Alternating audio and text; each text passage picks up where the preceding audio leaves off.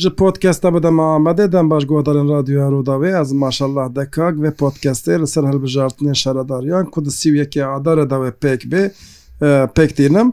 Gelek kes meraq dikin ka li Bakurê Kurdistanê û Tirkiyê partiyên Kurdan helwesta wan wê di vê hilbijartinê de çi be, bi taybetî jî helwesta dem Partiyê çunkî partiya herî girseyî ya di nava Kurda de ew partiye ku di nava parlamentoya Tirkiyeyê de jî di rêzên sereke de cih digre, ji şêst parlamenterê zêdetir parlamenterê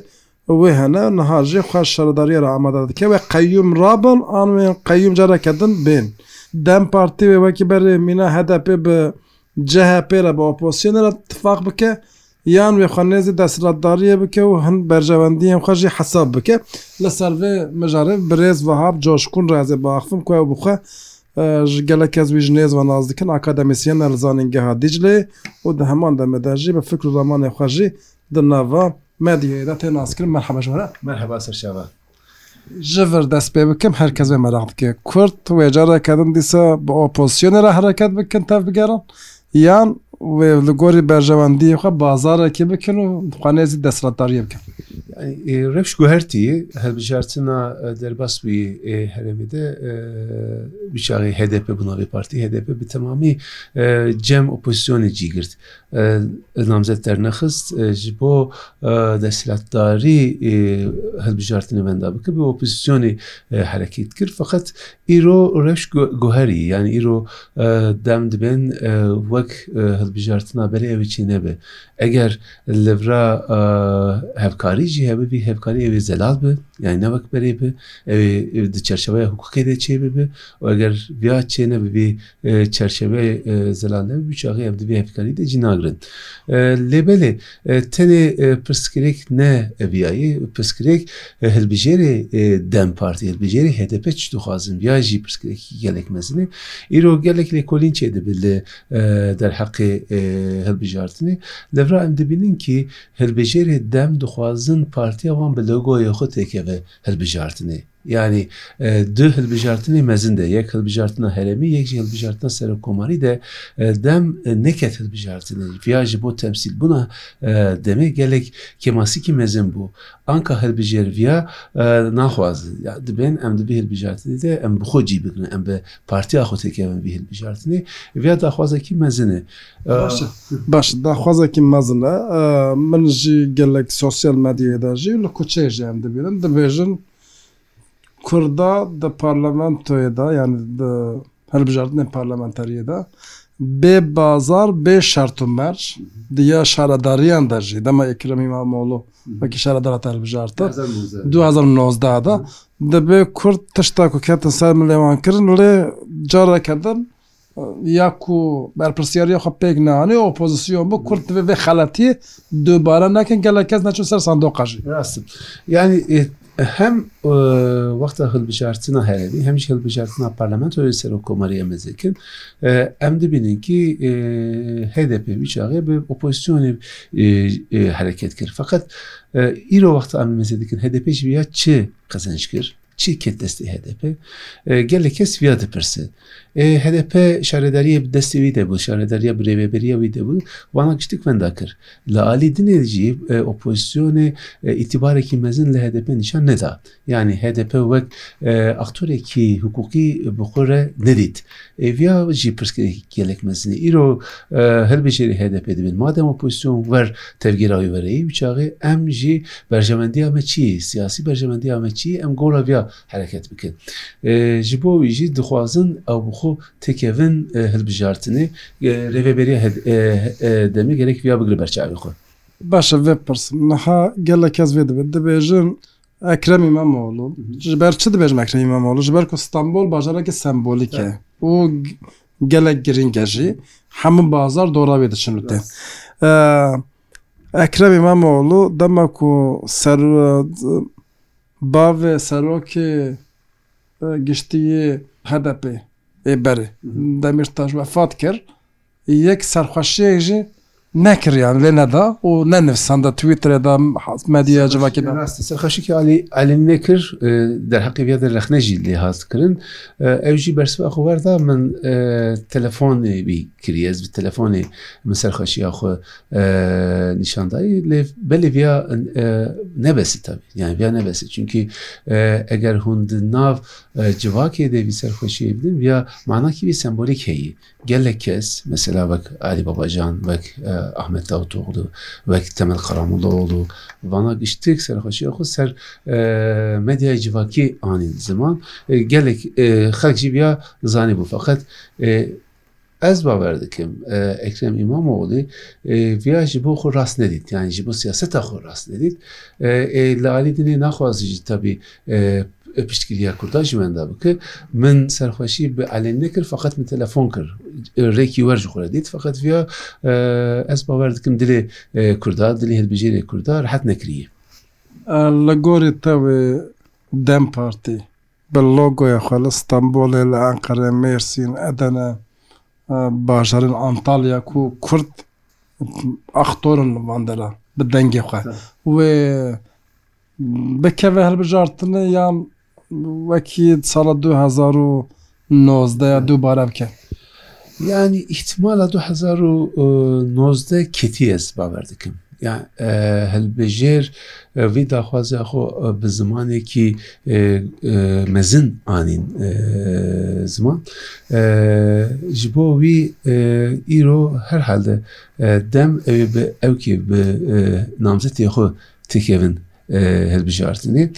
Eger bi namzetê xwe nekevin hilbijartinê. Li vir ji bo demê ji alî siyasetê gelek rewşekîn nebaş ê derkeve holê. Çunkî dîsa ew ê di temsîliyeta xwe nebînin, di hilbijartinê de ew temsîliyeta xwe nebînin li van hilbijêr re. Li alî din Wexta partiyê din ê jî qezenç bikin, partiyê din ê qezenç bikin viya ji bo demê, ji bo hilbijêrê demê tiştekî dernaxe holê. Mesela du hezar û nozdeh de van partiya opozîsyonê piştgirî dan. Ê çi qezenç kirin? Mesela Ekrem Îmamoglû ji bo pirsgirêka Kurd çi kir? Ya jî ji bo hilbijêrê Kurd bi Hususen çi kir? Vana anka giştî her kes dipirsin. Îro jî ez wexta li lêkolîna mîze dikim du heb tişt derdikeve holê. Yek hilbijêr dibe em bi partiya xwe têkevin, viya yek a du dijî dibin em bi namzetekî gelek xurt têkevin. Yanî namzete namzet wexta têke hilbijartinê gerek van hilbijêra giştî ke top bikin tabî vana top bikin Demzatên ketî ê raya wî ketî, van raya wî jî gerekinkî nê zêde bikin. Bînî yeksanî. Başak Demîrtaş çawa ye? Ji bo Îstanbul navê herî baş ez bawer dikim Başak Demîrtaş e. Çunkî wexta Başak Demîrtaş bê namzet bê nîşankirin, Başak Demîrtaş tenê bi xwe nakeve hilbijartinê. Ew bi bayê Selahattin Demîrtaşê yê têkeve hilpişartinê. Eger Başak Demîrtaş bibe namzetê demê, li vir a îhtîmalek gelek mezin ew kî ew ê kampanyayekî ser Selahattin Demîrtaş bê meşandin. Yanî mexdûriyeta Selahattin Demîrtaşê yê bê ziman. Eger dem di vî hilbijartinê rayekî baş bigire viya ji bo Selahattin Demîrtaş jî ji bo rola Selahattin Demîrtaş jî ew ê gelek faktorekî mezin bibe. Ji bo wî Eger dem li Îstanbulê dixwaze îdakî têkevurtê, îdakî nîşan bide, ez bawer dikim herî namzetê baş, herî navê baş ji bo dem Başak Demîrtaş e. Li gorî te wê dem partî, rêveberiya dem partîyê, navenda giştî wê vê yekê ber çav bigire û Başak Demîrtaş nîşan bide an na? Wexta Başak Demirtaş got ez hazir im ji bo namzetiyê, ez bawer dikim dem Partî ne amade bû ji vî daxuyanî re û ji vî daxuyanî jî pir kêfxweş nebû. Çimkî wexta Başak Demirtaş bûya anî ziman qada hereketê dem Partî gelek kêm bû.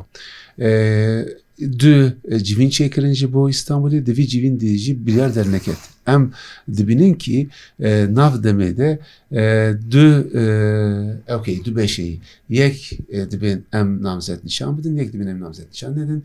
Ê namzet nîşan bidin dibêjin jî ew jî ya Başak Demîrtaş bidin ya jî Başak Demîrtaş nedin. Yani li vir a pirsgirêk heyî, vî pirsgirêk hîna berdewam dike ji bo dem viya pirsgirêkî mezin e. Feqet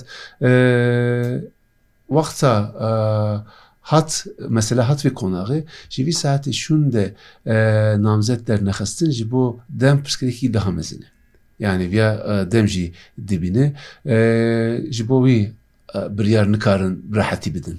Yanî ew îhtimal heye ku dem partî namzet nîşan nede, nedayîna nîşannedana namzetekî Tê mana piştgiriya CHP'ê. Tabii piştgiriya CHP'ê biya her kes ev wer bixwîne zaten.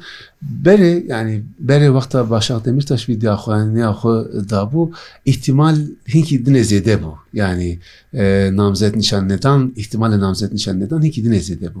Fakat wexta Selahattin Demirtaş û Başak Demirtaş vî ketin e, vî rolê girtin ser xwe. E, vî çaxê ez bawer dikim îhtimala wan kêm bûyî. E, ew jî nema zaten, wextî jî nema yani nav Bera vê hefteyê de gerek biryara xwe bidin bimin her hal de namzet nîşan dan anka îhtîmalekî daha mezin e. Baş e vê pirsim gelek kes piştî ku navê Başak Demîrtaş derket û xwe nîşan da piştî vê problemekê wiha jî derket Gelek kesên ku li dervê dem partiyê ne û bi taybetî jî wekî kemalîst em wan nas dikin, gotin ji xwe dem partî bi desthilatdariyê re li hev kiriye wê pêvajoyeke nû dest pê bike. Qeyûm êdî neyên danîn ji ber vê yekê lihevkirinekê heye û namzet nîşan da. Her ber hilbijartinê vê îdatê ortê wexta Navbera dem Partî û desthilatdarî têkilîkî çêk e. Vî têkilîkî gelek têkilîkî biçûk jî kar bibe. Heman vê îda tînin ziman. Îşte dem û desthilatdarî bi hevdû kirinin, ew bi hevdû re ê wê ber opozîsyonê bisekinin wesayre. Bîya min ez bawer nakim navbera Dem Partî û desthilatdarî ewkekî çêbûyî, peymanekî çêbûyî. Eger Dem Partî siyaseta xwe ya berê bimeşînî, yanî siyaseta du hezar û nozdeh de bimeşînî, îhtîmal tune ye kî navbera dem û desthilatdarî riya tekîliyê, riya diyalogê, riya mizakereyê bê vekirin. Feqet eger dem Çunkî çaxê ê dem dibêjî kî ez ê siyaseta berê bimeşînim, ê wî çaxê desthilatdar jî siyaseta xwe naguherîne. Feqet dem bi namzetê xwe têkeve hilbijartinê û siyaseta xwe bimeşîne, siyasetekî nû ava bike, wî çaxê îhtîmal heye kî navbera dem û desthilatdarî rêkî vebe.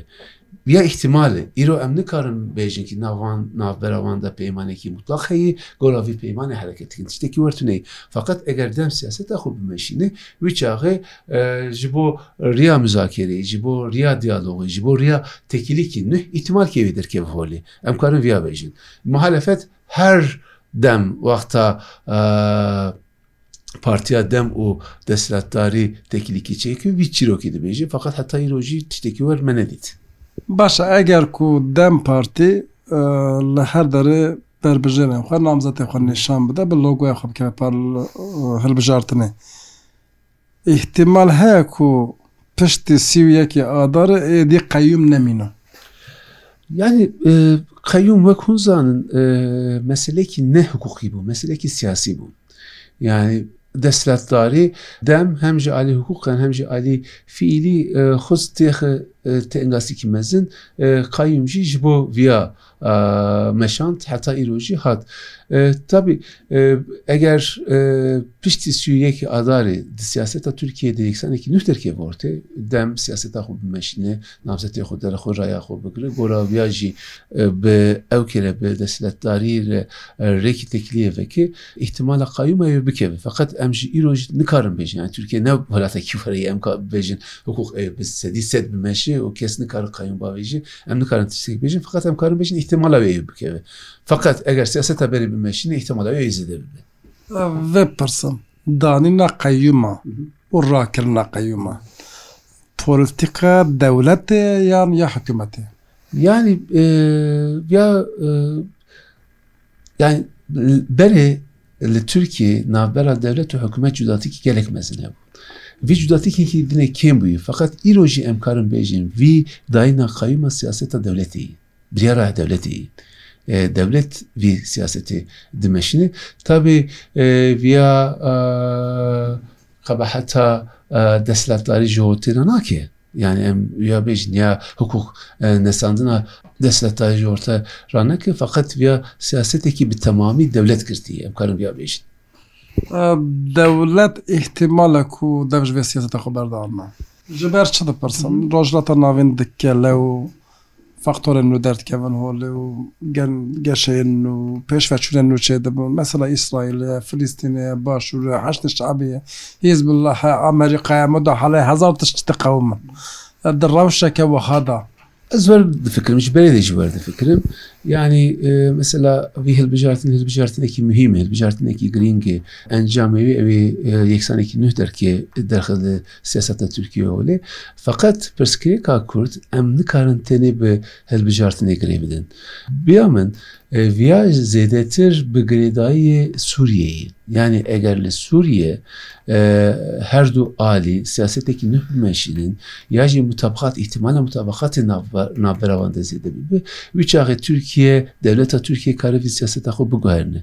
Feqet Heta eger her du alî li Sûriyê siyasetekî nuh nênin ortê, nênin holê ya jî siyaseta xwe neguherînin û navbera wan de mutabeqatekî çênebe, hilbijartin netîceya wî çi bibe bira bibe ez bawer nakim li Tirkiyeyê mesela wek du hezar û panzdeh du hezar û sêzdeh û panzdeh wek pêvajoyekî wî derkeve ortê. Mebesta te ya her du alekî ye?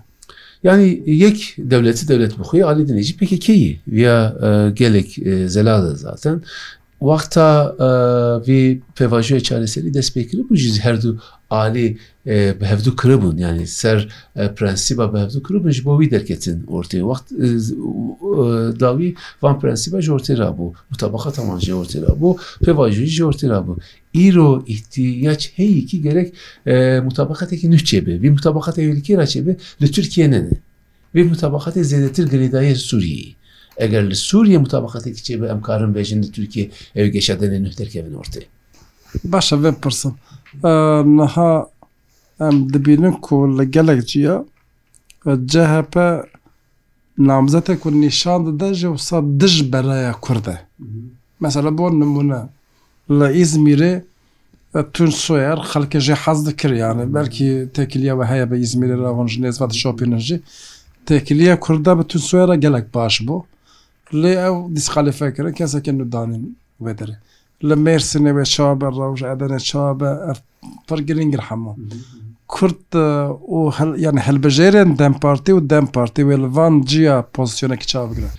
Tabî viya jî gora siyaseta dem Partî ewî şekilekî bigire. Yanî dem Partî eger li vira namzet dirxe, namzetekî xurt dirxe û van raya ji bo siyaseta dem faktorekî mezin nîşan bidin wî şaxê hilbêjîrê dem ewî bi piranî partiya xwe bigirin ewî raya xwe bidin partiya xwe feqet eger li vir namzet dernexin ji bo dîjî hikûmetê disekinin ewê bi piranî her raya xwe bidin muhalefetê ji bo wî yanî dem ewê çawa siyasetekî bimeşînin dem ewê li Adana li Mêrsîn li Antalya Ewê namzet derxe ya jî dernexe, gora viya ewê hilbijêrê xwe, tawrê xwe ditexin ortê. Mesela ciyên wekî Mêrsin hinek hêsantir e, îhtîmalek mezin wê yê MHP'ê wê piştgirî bidin yê MHP'ê. Di vir de Kurd dikarin dijî MHP'ê bi awayekî bereyek çêkin. Lê ciyên din. Yanî Cihên din mesela wek te gotin em ya Mersînê hinkî din nikarin biryara xwe rehet bidin çunkî li wira namzetê Ak Partî tuneyê MHP wî tekeve hilbijartinê û çaxê wê dijî hêj li MHP bisekine viya tiştekî zelal e. Feqet li Adene li o mesela Antalya ew ê CHPkî nîşan bidin. Yan viya gelek muhîm e. Li Antalya Muhîtîn Bojek nîşan dan. Derheqê Muhîtîn Bojek rêveberiya dem gelek rexneyê mezin anîn ziman. û eger dem hem van rexne berdewam bike û hem jî namzet derxe wî çaxê ji bo CHP rewşa Antalyayê wê xirab bibe. Tiştekî din e, tiştekî wek viya mesela Ladanê cêwî derkeve. Eger Ladanê jî dem ewkê xwe nîşan bide yanî adaya xwe nîşan bide viya ji bo CHP faktorekî menfî ewê derkeve ortê. Van namzetê CHPê bi piranî girêdayiya siyaseta CHPyê navxweyî ye. Mesela îro gelek kes dibêje kî chp di nav xwe de kesên Elewî, kesên nêzîkî Kurda vana tasfiye dikin. Heta Ozgur Ozel derheqê viya daxuyanîkî da tiştekî war tuneyî, em ne Elewî ya ne jî Kurda em tasfiye nakin viya em mêze dikin ewî kî li kîjan bajarî hilbijartin qezenc bike em gora viya Em ê biryara xwe didin. Feqet Ne wisa. Tablo wisa ne ne. Tablo wisa xuya nake. Hundirê CHP'ê jê jî gelek ew rexneyê mezin tên. Kî nêzîkî Qiliçdaroglî Sekînî yê di hilbijartina CHP'ê de kî nêzîkî Qiliçdaroglî Sekînî yê van kesa yek û yek tasfîye tê kirin. Ê viya jî nav CHP'ê de nerehatîkî mezin derdixewene. Baş e. Pirsa dawî Di du roj berê li Amedê namzetên ku diyar bûne ên dem Partiyê bi merasimekê hatin nasandan. Heta bila şawa dît. Dem Partî van ewka xwe van namzetê xwe bi hilbijartina pêşî